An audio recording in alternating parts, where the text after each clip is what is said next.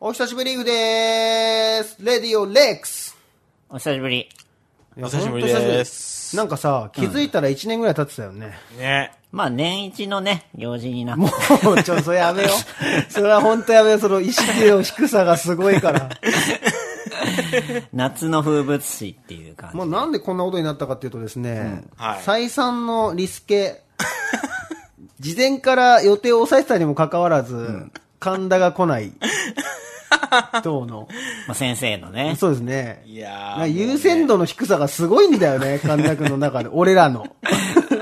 このコミュニティへの。いや、そんなことないですよ。いや、なんかでももうね、ここまであ、あからさまな人。逆になんか清々しい気持ちではなるよね。いや、まあ、いろいろありましてね。まあね。はいまあまたちょっと後ほどちゃんと話すけどね。そうなんですなんかよ。今年結構レックス3人とも、あの、あれやこれやと、 うん。活動してるわけです動きよがあったりとかね。頑張ってんだぞっていう頑張っねてんだ。よそう、なん頑か張ってんだぞっていうね。なかなか今まで伝わりづらかったのが、ようやくね、こうね、わかりやすい形に今なってきたと。なってきたぞだぞっとてい。うね。はい。だからこう改めて。あとで告知も含め て、そ れで、ドヤ感を出して、 それでやるのがポッドキャストっていうね。なんだこいつらって感じだよね。俺らは生きてんだぞと。でもなんかその仕事なんなんだろう抜きにしてさ、最近何してんの二人とも。なその趣味っつうかさ、息抜きっていうかさ、俺はあれだよ。タイに。 タイに行ってき たのタイに行って言きってた。たね。あ、本当せい俺それマジで見逃してたわ。あ、本当？うん、それ先週仕事じゃないんです。仕事じゃなくて、ープライベートで、タイ先に。先週とかえーとね、いつだったっけな、あれ。先月の末ぐらい。ああ、そう。うん。どうでしたタイは。先月って言ってもわかんないか。タイ昔行ってさ、なんかさ、いまいちだったとか言ってなかった言ってた言ってたんだけどこの前っていうかまあ3月に仕事で俺タイに行ったじゃんうんあのールポを書きに、うん。はいはいはい。その時になんかタイの楽しみ方を知っちゃったんだよねえ、なえちょっと待って、それは その、それちょっと待って、その、もあの、お決まりのあの、ナイトパトロールの 方違う う、 エロい香りしかせんけどね。違うんだよまたこのまたこのなんか流れになってくるの嫌なんだけど、うん。なんかタイ楽しいなと思ってあ、そそれでなんかちょっと、8日間もいたんだけど、その取材の時 は。ね、そう、いたんだけど、なんかやり残したことがあるなと思って、う。うん。ナイトパトロールでしょ違う違畜生みんななかなか寝ないな、みたいな。う。いや、 違う違ナイトパトロール俺が行けねえじゃねえかよ。みたう。い違な。う違う。それで、あのーちょっと、もう一回行きたいなと思って、それで、まあ、時間をいろいろ調整して、行ってきたんだよ。どうだったの6月末一人で行ってきたの一人。いどうでしたや、もうめっちゃ楽しかった。その何なの端的に言うと楽しみ方って何ないや、まあ、街歩きとか。その、のあ数年前台湾にハマってたみたいな感じな、この、そうだね。まあ、カルチャー的なそ面うそ白うそうさ。そうえーカルチャーはあんまないかもだけど、なんというか、自分の未知の、 未知のものを探すというか、なんというか。あ。まあちょっとじゃあそれは今度ね、タイ特集かなんかやって ね。それでちょっと話を聞くよ。タイだったら俺ちょっと教えれたのにな。あ、本当？あの、いや、タイ語、タイ語。あとあれでしょタイのニューハーフの友達がいるとかそういうやつで しょ前なんか話したよね、それね。チャン、チャンラくんって言ったらいいんだよ。何それどういう意味あなた可愛いですねっていう。なの いや、それまた、うその、下ネタの方に行っちゃうじゃん。 そうじゃない。あ、そう。まあでもなんかじゃあちょっと息抜きはできたって感じだね。そうだね。タイに行ったのはすごい、プライベートで行ったっていうのはすごいでかかったね。あそう仕事じゃなくて。えー、大久保君は何してたの俺は、な、何してんの普段。さ最近なんだろうな、前とあんま言ってること変わんないけど、ソロをひたすらまた作ってたり、それはもうね、ちゃんと今年はきっと出るであろうからね。うん。もう今本当にあのい、やでもそれはさ、ちょっともうその仕事的な部分じゃないちょっとさ。あ中は仕事か。そうそうそう。なんどっちかっていうと、なんだなんろかうその本当にさ、その、まあたまたまちょっとさ、集中力も切れたしさ、遊ぼうかなって思った時とか何してんのあなた。えー、何してんだっけな3に飲みに行ったりしてんのあ僕ー僕飲みに行ったりとかすんのいわゆるでもその一人で飲んだりはせん。あ、そうなんだ。うんバーとかで。はしない。一人飲みは絶対しない。あ、そう。でもなんか、逆に、と人となんかこう、なんだろう。飲んでて、解散になった後に一人で遊び行ったりはする。えどこに遊びに行くのそれは。うんそれはでも、あの、下北の3とか、あとかは行くかな。寂しがり屋やけんさ。あ。あ、そう。ー、なるほど。でもなんかほんと、ほんとにね音楽以外で遊んでっかな。あの、VR はいはい。手を出したぐらいかな。 VR のエロでしょエロ VR。俺それ本当にまだ知らないんだけど さ、エロ VR が大久保がいいよいいよって言うんだけどさ、な何がいいのそれ、ね、iPhone で見んの俺は iPhone。 俺はえ、だからほら、ゲーム機とか、ああ、いろいろあるからね。ぶ、なんだっけ ?PS。え、それね、本当にその女の人が迫ってきてるみたいな映像になってるってこと仕上がりとして。えーっとね、そうね、あの、うーん、なんか没入感がすごいって感じかな。なんかこの中で没入感って言うとなんかすごいエロい単語に聞こえるよね。まあ、何と混同してるかは僕知らないですけどね。もう没も入も両方だから、 もともとなんかさ、その、小さい頃から、エロに、なんかその、一工夫しよったよ、自分の中で。 知らねえよ。なんか泉水君もそうやん、絶対。まあね、わかるなよん。かその、わかるわかオリジナルのそういる。う、クリエイティブ入れちゃう感じそでうしょそうそう。オリジナリーな感じの知らない。そう、なんかお、自分まで自分で自力で開発してきたとこが、一気にその、この、技術で解決されたみたいなのがあって。あの、全然、エロくなくね。あの、単純にこう、現代の技術を仕事、まあ、これも仕事の一環としてかな。うわ、すごいその感じで聞きたくなかったけど。 VR は。いや、可能性をいろいろね、そう感じてますよ。なるほどいや。なんか結構意外とさなんか神田君とかはさ逆にわかるのよなんか、結構その一人でもパッて飯食い行ったりとかさするね、俺。するじゃん、飲みにはしないけどさ、まあ、喫茶店行ったりとかさするする。一なんか大人。久保君ってなんかそういう生活感を全く見せないじゃない、何してんのって思うんだよねでもね、本当にね、結構リアルな話するとね、何もしてないというか、あの、もう普通に結構仕事して、帰ったら寝て、仕事して、寝て、何でその清志郎の歌みたいな金が欲しくてで、土日はライブか、レコーディング。ああそうそ規則正しいね。う。正しい。まあそうね。なんか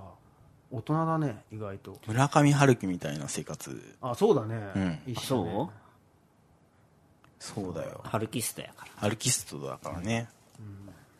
そう。だからつまらんですよ。つまらないことはないんじゃないつまらんですいよや、つまらん男だなと思う、最近。うん。先生君は俺はね俺はね会社運営をしてるよああ、そうやんな。でもなんかそれすごいよねでもそれは趣味みたいな感じになっちゃってるかなあとはでもそれをやってるおかげで趣味が音楽制作とかになってるかもしうれないーん。ほだからなんかそのバランスがいいんじゃないかな今あとは意外と俺はなんかそのご飯食べ行ったりするの好きだからさう。うん。だからあっちゃこっちゃご飯食べ行ったりとか、うん。まあ結構そのなんだっ けハンバーグ食いってたもんね。あ爽やかに行ったりとかねああ、静岡県のそうねそう。そうそう爽やかに不動食いに行ってみたりとか、はいはいはいなんかまあそのそういうのがねやって、まあ、前にレックスの話だけどさあのカーシェアリングに申し込んでるわけですよ私は、そうするとですねあの気軽に車でどっかに行くっていう選択肢ができるからまあじゃあちょっと静岡県にの爽やかに行ってみるか、みたいなのはできる飯、飯に興味ないもんなあなたでもご飯の歌結構多くない 荒野でコーヒーをとかさあそれは、の、なんか、おしゃれな飲 み物。渋谷系っぽい飲み物っていうだけでね。あそうあ、だから、そういうなんかもう息抜きで言うと映画ぐらいかな。あー家で見るんですか家にあの、ほら、プロジェクター、ホームシアターを一応作っとるから。最初女を呼ぶために導入した違うプロジェクターでし ょうちで映画見いひんっていやでもね、あのー白い壁にね、プロジェクターで映すだけでもう、結構な、で、音はさ、音楽やりようけん、結構いいスピーカーがあるやん。白い柔肌にプロジェクターが映るそう いうそういう世界観でねいなや、いるいほよ。ど。ホームシアターおすすめですよ。ああいいですねでなもるほど、なるほど。じゃあタイトルコールいきましょうかはい。えー、アナオクボと、天水正知のレレデディィオオレレッッククス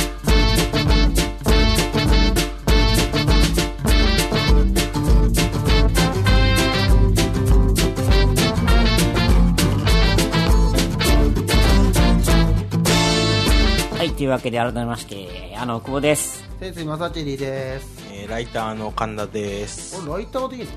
ライターで、はい。もうフリーライターの神田ですよ。先生じゃなくて、はい、もう先生、 先生なんで。なんか俺空想のベレー帽 見えるよ全然もう先生なんてもう全然ですよ。はい。ねえは神い田君はちょっと一回り大きくなってそうなんですよ。いろんな意味でね、いろんな意味で大きくなった神田を見てもらえれば。こんなこんなにもストレスを溜め込んで書いた力作がね多分ご存じない方もいると思うんで一応あれすると、ね神田くん初の書籍はい、僕の初の書籍が6月7日に出たんですよね。出たんですよ。ここのれがタイねトル、も、もし文豪たちがカップ焼きそばの作り方を書いたらというね。宝島社からこれなんて略すればいいのもしそもしそばですもしそばでも僕らは一応もしそばで行こうって言ったんですけど、うん周りの人たちがもし焼きって言ってるんですよ今どっちにしようか迷っている じ状ゃあ態レでッすクねスではもしそばにしようよそうですね、んはいあーじゃあもしそばねでも多分、あれじゃないもはやこう、これなんか初めて聞いた人というか、うん今まあ、今まで聞いてた人も、あ、あの本書いてんだってなるかっもてなるぐらい結構今書店だとね、そうですねありがたいことにだいぶ、はい今日はねなのでそれの特集と、センスよくもちょっとね、はあのワークスがあるのでい。このね、はいやってない間にねやっ、てないいろいろやったからね、結構忙しかったよねそ5月とか結構胃の痛い日々だったよね、う。うん。っていうのもあね、ありますので、そうですね僕らの方はそのリリカルスクールさんのうんニューシングルに関わったので、その話がちょこっとできればなっていう感じですかね、でもその前にまあちょっと夏らしい曲をということなんで、はい。ちょっと懐かしのお、あのウィークエンドのウィークエンド。 「ナッティ休み」って曲を聴いてください夏休み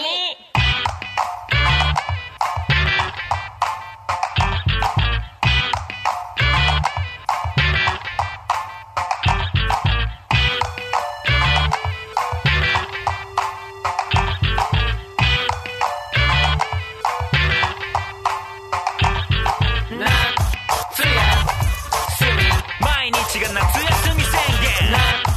休み真夏の恋は終わらない花火夏休み終わらない夢を見たまんまベイベー夏休み That's all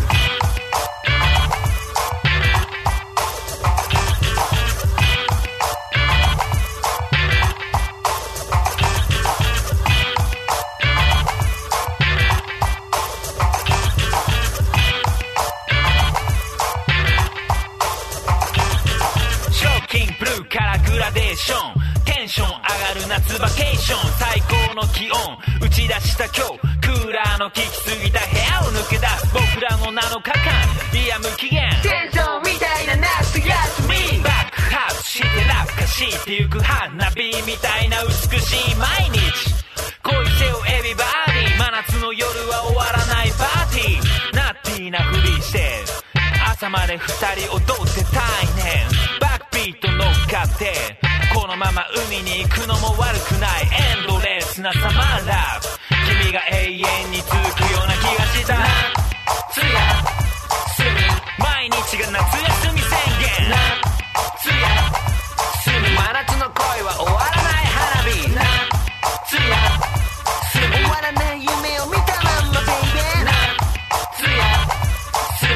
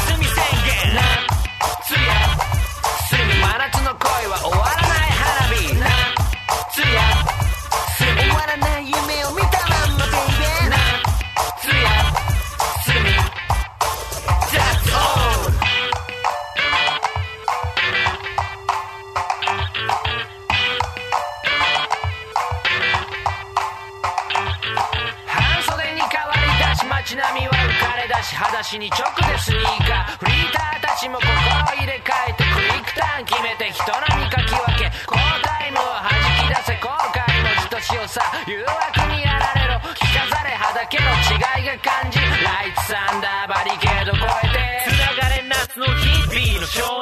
年みんな何か企んでる顔あの時のあの場所へ総員ローインした点出るなよゴーインポージン決めて常時攻めモードまだちょっと待っててエンジュリスレス花火とビート風鈴の音夢と現実の真ん中でクルージング夏休み毎日が夏休み宣言夏休み真夏の恋は終わらない花火夏休み終わらない夢を見たまんまベイベー That's all 夏休み毎日が夏休み宣言夏休み真夏の恋は終わらない花火夏休み終わらない夢を見たまんまベイベー夏休みが終わらない夏休みが終わらない夏休みが終わらないずっと君を待っていたんだ夏休みが終わらない夏休みが終わらない夏休みが終わらない終わらない夏休み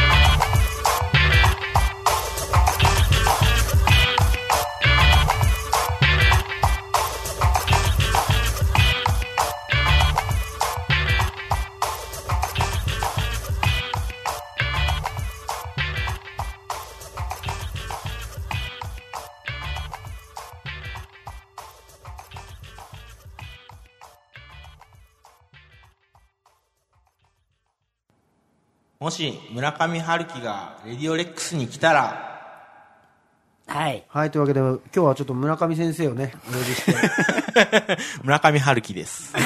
ちょっともうちょっとモノマネ的ないや、村上春樹の喋り方わかんないからね。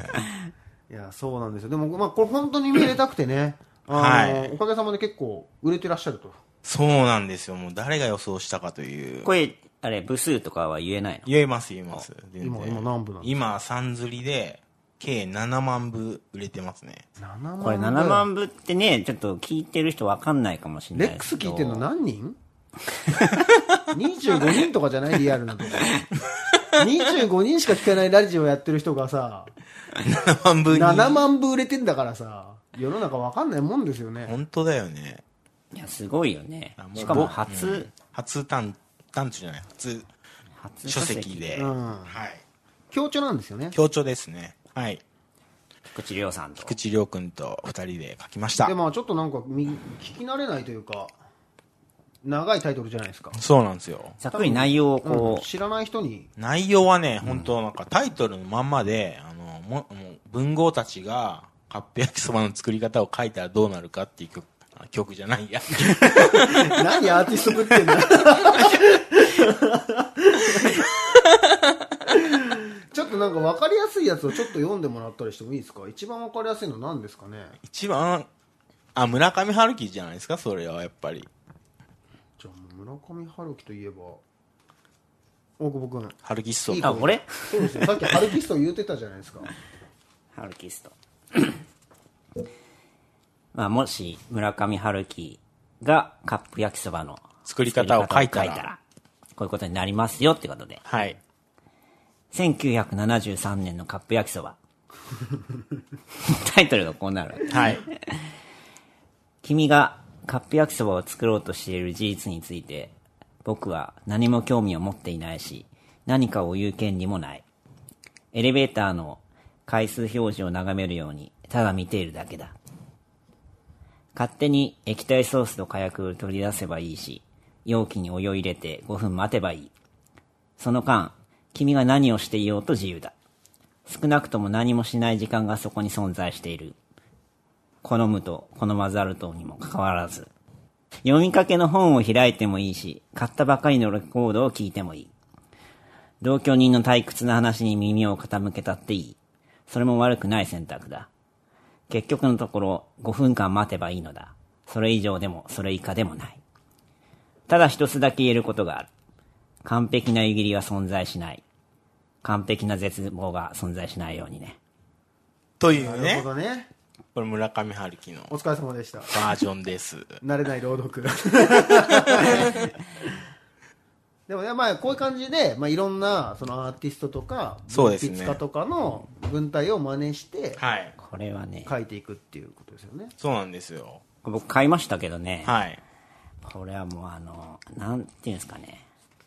こんなに人生のためにならない本はないっていうぐらいくだらないで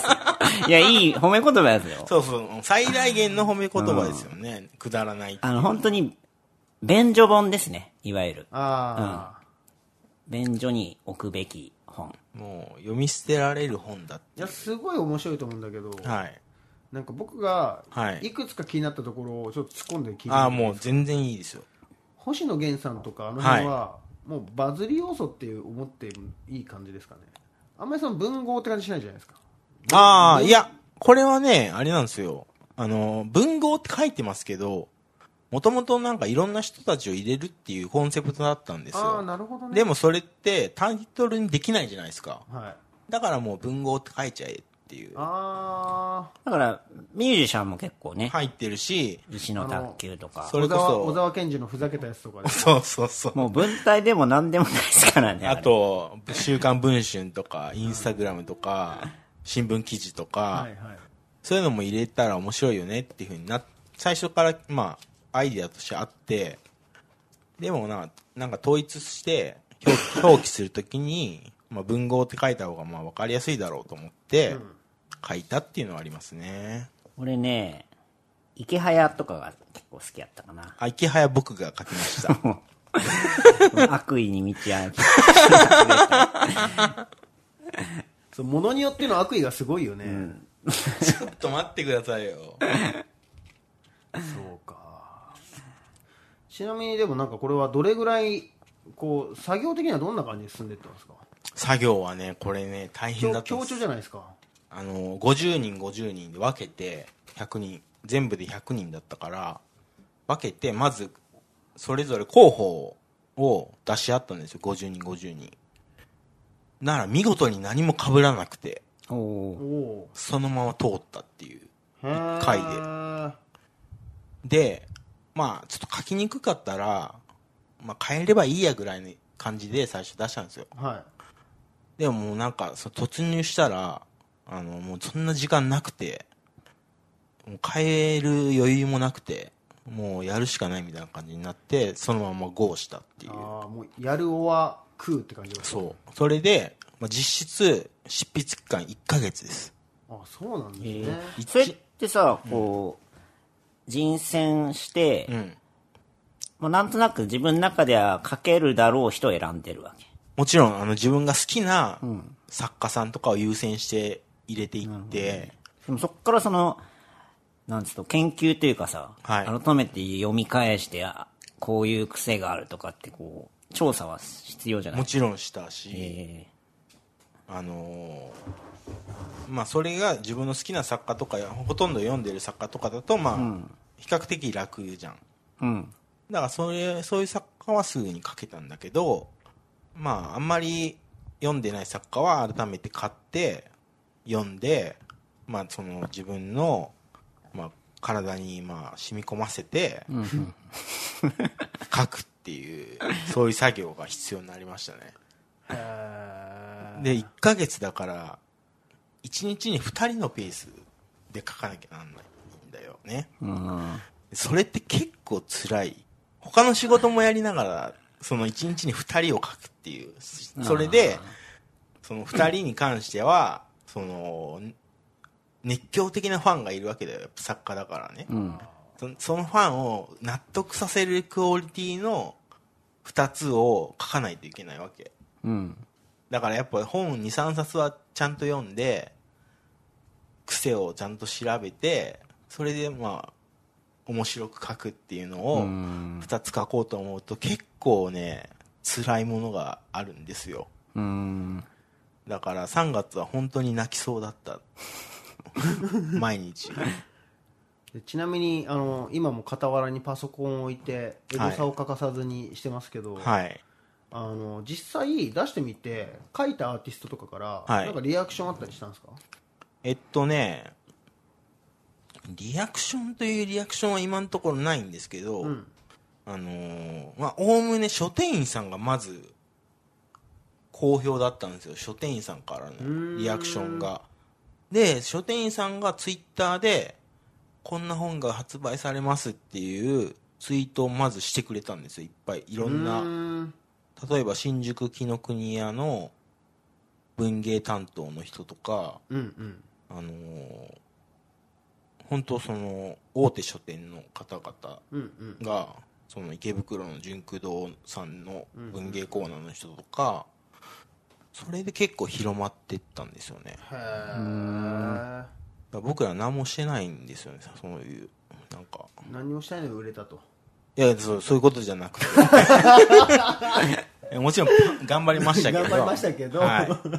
の広告的なことはそんなにしてないですよそう。でも書店員さんが広めてくれたっていうのあーが、すごいありがたいまなあでと。もなんか実際僕は結構こう出た時にアーティストさんとかもんなんかつながれるんじゃないかなと思ってうん。その辺もいい本だなとは思ったんですけなどんかけ若干音楽的でもあるし、で何それはヒップホップ的なことなんかサンプリングに結構近い、文体サンプリングみたいなことやし、これさ、あのさ、レーモン苦悩そうそうそう。出る文体練習ねあ。それが元ネタな。まあ、そうそう。まあ、それが一番最初だからね、やったしっていうのは。でもまあそれはなんか知ってはいたけど意識して立ち上がった企画ではないって感じだよねそう、もともと俺の原点は、その、ケトルの村上春樹特集で、文体模写をやらされたっていうのが原点にあるから、村上春樹の。まあ、そっから始まってるから、この企画はなるほどうんいいやでもなんか本当におめでとうございますやありがとうございます。これはで本も7当に万部ってやっぱすごいですからねいやもうめちゃめちゃすごいみたいですねめちゃ僕めあんちゃますごいでりすよ意識してないんだけどうんあんまりわかんないんだけどなんかさ、こう、売れた感ない の。いわゆるそうな、なんかいよやく出版社からよく出版社からメールがめっちゃ来るようになりまし態度変わったやつとかさ、たあー突そう然連絡来たとか。あるある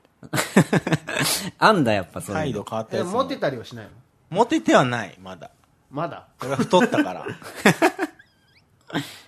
えでもいきなり連絡した来たりするもんなんだねするんだよこれがどんな感じで来んのかでも今のところ連絡来た人は俺より全然大物の人しか連絡が来てないかあいいじらゃんああ某山本さんとかってことですかいや山本さんとかじゃなくて、あの、スイマーっていう女子の、んあの、ブランドがあっあはいはいて、はいはいはいそれのデザイナーのひずめみかわるさんっていう人がいるんだけど、その人からいきなり連絡が来て、えそれ知って、知り合一い回会ったことがあった人で、それ以外全然音沙汰も全くなかったんだけど、その人から本読みましたって言って連絡が来てあ、でもそういうのは嬉しいそういねうの。は嬉しいよねそうそうそれでなんか個展やるからそこで会いましょうみたいな感じになってとかあのー渋谷に SPBS っていう本屋さんあがあはいる、はいはいはいちょっとシャレオツな本屋さんがあって、そこのオーナーの福井さんっていう人から、うん爆笑したって言っていきなり Facebook の友達申請が来たりとか へえだから全然自分より本当偉い人からしか来てないあそれはいいね、なんかね下からね「かなさんおめでとうございます飲み行きましょうよ」よく言うのはね、ほら、あの、同級生とかさ、あはあいそうそうそなんうかもう、数、数年連絡取ってないやつからおね。前となんか仲良くねえよみたいなやつから、あたかも仲良かったような感じで、来るっていうのはまだ来てないね。あと、友達が本出しました、みたいな さ。なんか急に乗っかるパターンだよそれはまだない。まだない。でも売れるのは結構さその狙っていったん全く狙ってないよ。本当に。この神田君的には俺は、本出せるだけで本当よ、もう、めっちゃハッピーだったから。めっちゃハッピーとかなんかすげえ聞きたくないね口からいやでも、本出せるだけですごい嬉しかったから、通った時企画が、はいもう本当に、あもうそれで十分だと思ってて、なんか後から言われるのがそのカップ焼きそばにしたのがすごいその、家庭として優れてるとかって言われるんだけどそのカップラーメンあのカップヌードルとかそのカップラーメンカップ麺とかだったら多分売れてないとかって言われててその湯切りとかがある一工程手間があるっていうのがすごいこの本の凄さだとかって言われるんだけどもう疲れててもうカップ焼きそばでいいやって決まったし、あそうなんだねそうそうそうでもね、それはね、読んでてね、あのね、思う、思った。多分ね、カップラーメンだとね、面白さ半減なんよね。あそこうれなんか、結局さ、い湯切りがさ、すべてこうなんか、オチみたいなんになかオチとかか、こう、点、点になってるわけよ。なんか最終的にこの湯切りって言葉にすごいね、ハマってき て、なんか湯切りで笑けてくるんよ。へーそうそうそじゃあそれはでもそこ、ね、狙いっていうよりは、まあなんかいろんなミラクルも重なってこいのや携帯ほでんとそうなこんんだなよ感じでこの結果になったって感じかうで田中圭一さんが描いあのイラストを描いてくれたんですけどあの多分漫画ファンはあんまじゃないと知らない人もいるかもしれないですけどああその、あのーパロディ漫画でねそう、あれですよねあの有名なのは手塚治虫のそうなんですよもうもの本当に模写っすよね模写、うんで田中圭一さんがあの今「うつ抜け」っていう本でうんうんすごいブレイクしてるんですよ、へー12万部ぐらい今売れていて、うーんその田中圭一さんがブレイクした直前にオファーしてたんおしてたんですよこの本へのー挿絵をだから受けてくれたんですけど今だったら受けてくれてないかもしれないそうそうと田中圭一さんの力が大きかったんじゃないか波に乗ったっていうかまあでもね、やってることもその、同じコンセ近プいからトねに、だからこれ田中圭一さんじゃなかったら思いつかなかったんですよもう他の表紙を、もう完璧にもう、あの田中圭一さんしかいないと思ってみんなもう表紙そはして帯はなんと尾崎世界クリープハイ観プクリープハイプの尾崎世界観もやってくれたんで彼すもよミュージシャンだけど書籍も売れてるパターンの人ですよねあの小説を書いていてはあのまあ売れている方ですねインタビューとかを神田くんがそうなんですよ、結構やっ僕がてるインタビューをやって知り合いましたいなるほどね、まあ、ここに本当はねそのアナ大久保潜水武蔵にっていう選択肢もなくはなかったんじゃないかなとは思いますけどねいやまあそうやっていただきたかったんですけど ね価格の方がいやそうですかはいでもなんか本当に良かったですねおめでとうございまいすやもうありがとうございます本当に一先発生目でこれからは何とお呼びしたらいやもうフリーライターであフリーライターのはい神田で神田君でカンちゃんでもう雑誌の仕事を受けるときはゼロは1個違うぞといやいやいやいやもう全然 いつもの神田価格ではいまあとりあえず、一発屋にはなったってことですね。そうですねねとりあえずなんか話し足りないこととかこれは言っておきたいとかあり ますかああそうですね 本当にやりたかったことはこういうことなんだっていうのを僕はこの本に詰め込んだんで重いね そうなんだそうなんですよ僕はねあの本で笑かすっていうのがやりたかったんですよあーそこは関西の血がちょっとあるんですかねそうなんですよねあの芸人さんにコラムを頼むって書かせるっていうのがすごい嫌いで芸人さんって和芸だからコラムってつまんないんですよ読んでもうんうんつまんないことが多いんですよでなんかそれが嫌ではいずっとテレビブロスとかのコラムとかでも芸人さん書くコラムって面白くないんですよスパとかであもーはいはいはいはいでプロのライターの方が面白いんだぞっていうことを示したかったんですよずっとはああその紙の上だったら、いお笑いスキルでも負けないぞっていうそうそうそうっていうのを本で笑かすっていうまあ僕は読んでたんですけど、はい、そういうことをちゃんと証明したかったんですよああでもそれはいいですねそれはなんかそういいことかですねでもそれは、なんだろう。ちゃんとね、俺が偉そうやけど、できてるもんね、これね。そうなんですだからみんなだから笑ったって言ってくれたらすごい伝わってんだなと思って嬉しいなと思ってますね、結構その、単純に単体、まあ誰とか、でも笑えるし、そのま、まず人選っていうとこでも笑えるし、あと一冊やりきるんだっていうところでしょそれでね、この流れにもね、なんか最後オチみたいなのがあったりして、最後そうなんだっていう、なんかこう、結構ね、全体通して手が込んでる。ああ、よくできたてる単純にこうね、人選んでさ、多分模写しただけじゃなくてね、やっぱ一個のこう、大きなコントみたいになってる。ああなるほどねっていうのは感じた。こんなくだらねえことを真剣にやってる40近くのやつがいるんだっていうそとう結構ね、なんかそうだねこうもう神田君だって今本当に40近くですよねもうそう38なんで勇気湧いてくるよ。そうなんですよもう何やってんだっていうこの本当これ書いてる時に本当売れなかったらどうしようみたいな感じだったんですよねあ ーじゃあそんなわけで今後の、またね、動向にも、先生 のね神田先生 のそ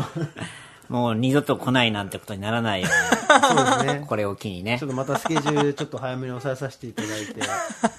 売れてもちゃんとね、もうプロモーションでしか来なくなっちゃうかもしれない いやいやいやいや 来ます来ますそうで今す後ねもはいやっていきましょう。はいということで、えー、神田先生の、神田圭一先生の、もし文豪たちがカップ焼きそばの作り方を書いたら、絶賛発売中でございます。はいアナ奥本先生マサチリのレディオレックス俺はレックス最近見ないでファックス心はマックス一方その頃、アナ奥本、潜水も朝尻は、ということで、はい あのー息もぴったりです ね今大久保君が先生のことを言っちゃったなさりげなく喋り出したけどお前誰なんだ MC モニカも どうもリ MC モニカことね大家君来まして、リカルスクールの新しいメンバーですはいよ大く家君はいねモニカ青い青やですはい夏男こと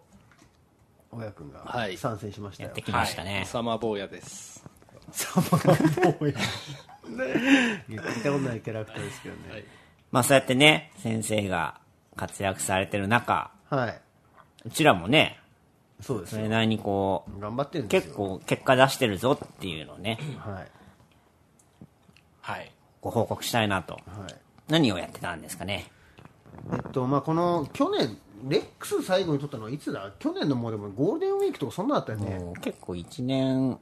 以1上。年ぶりぐらいだよね下手したら、そうだっけそうなんでその後にですねあの私前々からちょこちょこ曲を提供したリリカルスクールうんさんの,、うんあの去年出たアルバムですねメジャーにね、ついはにメジャーに行って、でメジャーでなその時にあの出たアルバムうんの、えっと、収録曲を2曲ほどですねこの大久保潜水コンビで書いていったんですよね、うん。うんうんで1曲は、えっと「ゴールデン」っていう曲で、んそれはまあ僕がほぼほぼ作って、ん大久保君がスクラッチを入れてくれて、うんそうそう。スクラッチはね、ちょこちょここう、はい頼まれて、そうですね手こき要員やとっぱしてこ、すりが大久保くんこすってーっ ていうラインが夜中に来て、はい本当に夜中に来てこすらなきゃいけなくなるっていうね やっぱねピストン大久保ってことです ねま摩擦せって接中っていうねマサチェリーチェッチマサマサチェリー摩擦リー摩擦 リーま摩擦班から来たね、はいマサツリーと大久保純骨やね。何の意味もないおじさんの寄り合いだよねなんだこれでまあそのコンビでやってでもう一曲の方があでちなみにその「ゴールデン」って曲ではねあのアナのサンプリングもしてたりするんですよそう。あのへーポイントであーそれもあってで、もう一曲は「Do It Now」って曲だったんですけどこちらがですね、あのー今だから話せるんですけど制作チームに内緒でですねはいいきなりあの大久保君に歌詞を書いてもらってなんかなんていうんですかねあの僕が書いたみたいな感じで提出してじゃあ今日はレコーディングだってなった日にあの実はこれ大久保君って人が書いたんだよねって言ってはいはい。ででも内容が良かったんですようん。内容がすごく良かったのであのもう向こうも怒るに怒れないっていうかうん。なんかいやそれないっすよみたいなこと言えなくなっちゃってうん。でなんとか一緒にねそういいねかかっこいいパターンだ締め切り3日前とかそんなんやったよね本当2日とかだよねすごいね2日とかでになんちょっとかあさってまでにこれお願いだから書いてって言ってでさ最初ね歌詞書いてって言われて、あでもアイドルの歌詞ずっとやりたかったからあのチャンスだしあのありがとうやりますって言ったもののよく聞いたらラップ部分やったけんさ、えラップ書くのって話になって俺リリック書く のっていうラップはさ、書いたことないけんさ。あそっか。そう。で、ラップ書くってことはイコールこう、フローもね、作らないかんや。うんだからこう、初めての、ラップ童貞をね、奪われたあ感あいいですねそうでもなんかさ一回あのこのレックスも聞いてくれてたさ、あのファンの子がさ、そのリリースクのライブの帰りに、年末のゼップの帰りにさあのたまたま電車かなんかだった時にさあの「ルイってのはいい曲でしょ?」って話しててそしたら大久保君が「あのロックンロールな夜みたいっていうとこすごいいいです」って言われてそう俺だったっていうね そう俺だよって嫌な話だよじ。そうあの歌詞はね、こうそれこそ、歌詞は強調なんでね。あそうなんだそうそうそうそうそうだね同じ現場にいたっていう影響をあ与そうそえてうるそかういう意ら、ね、味ではいいとそう思いういんだよねまあ逆にまあどっちから行くかみたいな話はあったそれ僕もよくありこれありますよね。 ああ焼き焼きそば本で。ああでそもれそをうはそうっすよねうん。これ良かったです。いや、それ菊池くんが書いたんです。そっちばっか言われるみたそ。いうなあねりますあります。そういうのよくありますよ。そうでもまあなんかその辺は逆にラップ褒められた時とかもなんか俺ドヤ感出しちゃうからねだろみたいなもう自分のものにするっていう。そうそうそうそう そうお互い手柄をね俺ラップ褒められたことなんかないよ10年以上やってて。さやっぱサビ炸裂してますねみたいな歌のとこばっかり 俺書いてないしそうで去年、だからその去年の話やから、去年はなんかもう自分の中で、こう、一個こう、長年の夢が叶ったというかさ、アイドルに。でそしたらねそのまあいろいろそのまあそのリリカルスクールさんもいろいろあって、でメンバーがガラッと変わったんですよねでそれでまた今回その復帰第1弾シングルっていう時にこのコンビで曲やってくんないかと、いうことでやってみて今回もね2曲作ってそうなんですよ。シングルですよね、しかも。そうです初の。あのリリカルスクールの新ニューシング新体制の一発目。ルの、えっと、夏休みのベイビベリーーっていう曲が。コンビってのがなんかいいよねいや、そのなんかね、コンビスイタイルのほ人他いないでしょ多分なんかいいパターンのさ曲の場合コンビパターンってあるじゃんなんかそれを名前つけたりさ、あ松本隆とそうああ、細野晴臣とかあ、あと堤恭平。そうあとなんだっけ悪友とネプチューンズとかあーなんか わかんないけどネプチューンズなんか二人で行くみたいな良さっていうかねプチューンズ、じゃあね、違うか秋元康と後藤を作っあそうああそれねあいい例えですねあでもまあなんかでも結構たまたまよねなんか昔からこの2人で何かやろうぜって言ってさ、そういう関係でやるとは思ってなかったよねうん。なんかいいよいや、なんかその、コンビでお願いしますっていう依頼来たよって言われた時はね、もう本当に、あ、今年最先いいなって思ったよ。まあ今回はね本当矢沢スタイルでちょっと作ったのでどういうことですか、それは。なんかそれもうタイトルありきなのであなんかそれを見つけた瞬間に勝ったなとは思ったんですよあ。はいはいはい。なんかいろいろあるじゃん夏のさうん。なんかなんていうの 夏のちょっと夏ソングちょっと上げてみてよ夏を繰り返す。それで言ってたのやっぱあるよもっとあるでしょもっと世の中的なやつあるでしょなんかさ、あのその楽園ベイベーとかさ、ああ、夏休みとか。ああ、夏休みとか、サザンだとさ、なんだっけ、真夏の果実真夏の果実とか、夏ソングすげえあるんですよ。夏で、、夏休みソングもいっぱいあるんですよ。夏を待ちきれなくてとかね。ああ、そうそうチそュう。ーブの。でも、その夏休みのベイビーっていう、すごいドストレートなところが、空いてたっていうのを見つけた瞬間確かにねなんかありそうだけどありそうでしょ、ないんだうんで検索したんだけどシなンプかルだっしたんですよ確かに英語サーチしてもないもんね。そう出てきゃ出てくるのだってその曲名かチューブですから、だからそれねそれを見つけた瞬間もう本当矢沢の気持ちで見つけたぞと見つけたぞともうできたぞともうあのギターウルフみたいな感じそうあのもうタイトルできたからできたみたいな島根スリムみたいなそういうなんか冷蔵庫ゼロはいオッケーそういうことティラノザウルス四畳半はいオッケーっていうそういうことねその世界観で作ったって感じですねで今回はね結構本当オマージュがいっぱい入ってるんですよあ、そうなんだ。はいあのー神田君も大好きな ECD さんはいはいはあーマスターイコアだったりとかあとなんかそういう楽しみ方をね、なんかこう一個してもらえればっていう。そうですね、で今回なんか本当になんか2人で最初に話したのがめっちゃオマージュとかそういうのを散りばめたいねって話をしてて、もう5秒10秒に1回必ず出てくるみたいな感じにしようって言って、まあ、実際そういう仕上がりになったんじゃないかなと思うんでね、い。へ M 面 B 面とも B に。面両方やって、で B 面が「コンクリートジャングルボーイ・ミーツ・ガール」っていう曲なんですけど、これはこれで割といい曲なのでえ。うん。いい感じの2曲で夏を盛り上げていくんじゃないかと。はい。いいでとすいうねこ。とですね。じゃあ、レディオレックス、夏の陣でしたね。潜水正チリアナ大久保神田圭一この3人が織りなす最高のトライバルレターレディオレックス聞かなきゃ損損 MC モニカの自由型。というわけでですね、今回はスペシャルコンテンツとしてですね、あの、なんとこの場に、あの文豪のお村上春樹さんがですね、はい。あの、フリースタイルで神田君を祝いに来たと。来てますね。は来てますね。春木村上です、やっぱねたま卵が壁に当たるみたいなねことがありますけどあ、イスラエルの。そうですよねそうはいやっぱりこう神田君っていうのはあのこうなんだろう昼下がりにねえーやっぱり茹で上がったパスタを食べてるような最高の ねナイスガイだということを聞いてますからで、まあ、毎年ちょっと、えーノーベル賞は逃しますけども今回神田君からの、えーやっぱり熱い眼差し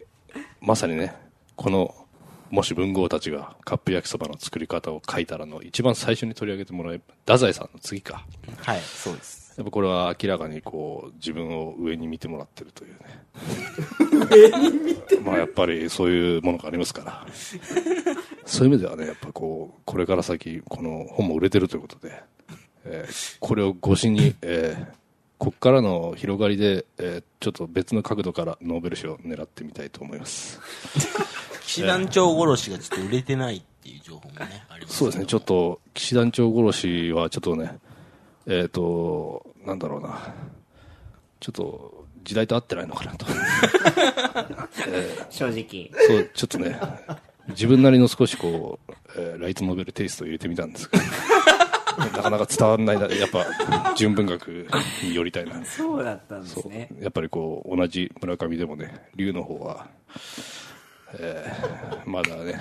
カンブリア宮殿などで頑張ってます僕はもうでも本当に執筆のみで、えーやりたいと思いますから、えーそういうね変な芸能活動はしませんか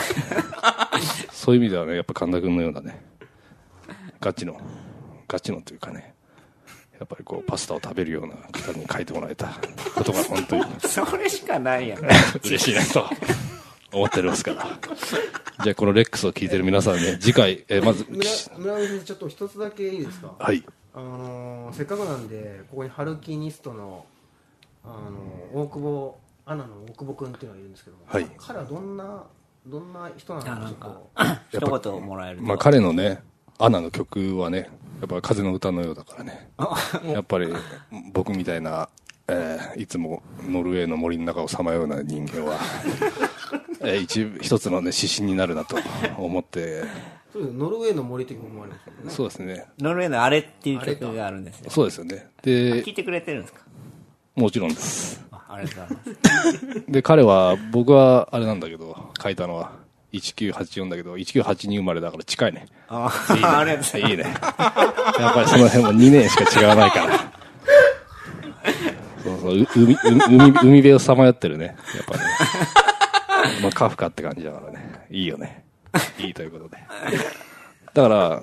彼らはやっぱり僕の最高のこう、サポーターというか、ハルキニストを認めよう。ありがとう。というわけ といでうわけでね。久方部の自由形でした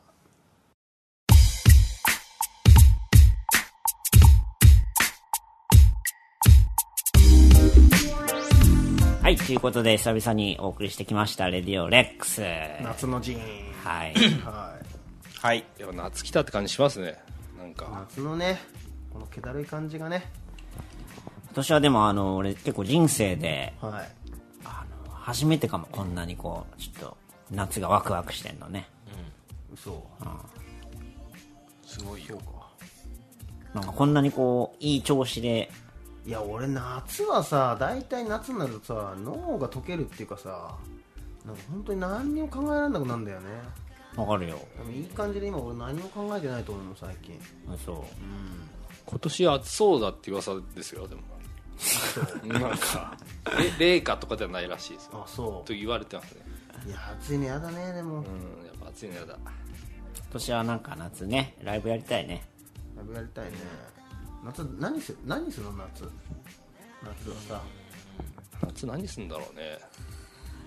どっか行こうよ。またどっか行きたいけどね、海外とか。どっか行くってレックスで集まるのヒーヒーってのにどっかも行ってないでしいや、行きたいよ、俺はまた。ょ でもまあ行きたいよねちょっと旅行でもね映像撮りに行きたいね、映像、俺。映像うん何のえなな 何の映像なんなんなんのかはないと映像撮る意味ないいやでなんかわかんないけど映像と撮っときたい。この今のね水曜どうでしょうみたいな遊んでるみたいな30後半の俺らを。あそう残したいと。それをまとめてあれでしょマタニティフォトみたいなゲットワイルドのあの PV みたいな感じ で香港の街並みをあーかっこよくかっこよく的な感じだよね、まあ、そんなわけで夏を迎えた4人ですけど、まあ、告知関係は、まあ、なんか話の端々にあったと思うんでそうですね。はい、あのーちゃんとね、結構、大手書店、レコード屋さんに行けば、俺らの仕事が手に入ります結構並んでるっていう状態だと思うので、すごい、これすごいことですからね。そうですああと僕らの方のあのリリースの夏休みのベイビーはフジテレビのお先駆けミュージックの7月のエンディングテーマに決まってるので、あの、レックス聞いてる人は、あの、もう特別に、あ、これ友達って言っていいからね。知り合いがやっててってそうあ、知り合いが本出して、って言っていいから言。っていいからねそうだねなんか神田君って結構ファニーな人でか神田君って結構こういう喋ってる仕事多いですよねそうなの。公演が意ね外と多い。結構ね喋りないのに。こここはどういう立ち位置なんです か素に近いんですかよりこうここは素ですよ。それがいいじゃん貴重じゃんやっぱすすぎて何も喋ってない瞬間多いんだからと思って疲れてきちゃういつも司会とかが多いんだもんね多分そうそう そう。大家君来るまでの神田君の喋りっぷり今日すごかったんだ からね喋りっぷりっていうのはどどっちの方でいやもうそのも喋んなくてってこいや喋っうすて。げえよとあいいじゃんでもう喋り終わったらもう疲れちゃってさもなんか久しぶりに会ったらやっぱ重鎮感が出てますよね撮ったら、撮いやったらそう。いう意味な話いやはい。じゃあだらっといい夏になりそうですねはい。じゃあ次は秋かな、そうですね。じゃなきゃ次神田君が書籍出す時かなということで、あのーぜひとも夏の間に皆さん僕たちにねどっか会いに来てくださいはい。はいせーのお疲れス。 「